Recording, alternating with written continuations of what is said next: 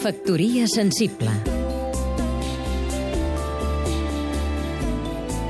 Francesc Canosa, periodista i escriptor Diu Salvador Dalí, jardiner de cactus. I mai no tindrem flors ni un gos, només aquella aridesa al voltant de la nostra passió. La frase la poden trobar al darrer Premi Sant Jordi, Dies de Frontera, de l'escriptor Vicenç Pagès Jordà.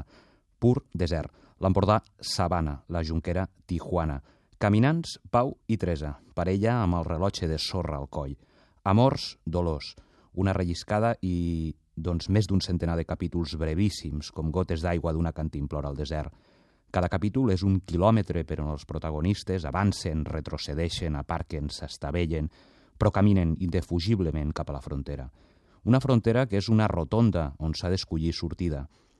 I tria bé aquest llibre que retrata un Empordà real i no pas una Arcàdia de barrufets de caps de setmana i d'estiu. Tria bé el trajecte a un Empordà capital dels deserts de dubtes existencials globals, com Nova York o París. Novel·la senyalització, intermitents, precaució, amic conductor. Enmig del no res, el nostre costumisme se'ns apareix com un miratge. Al·lucineu, perquè els cactus també són a casa.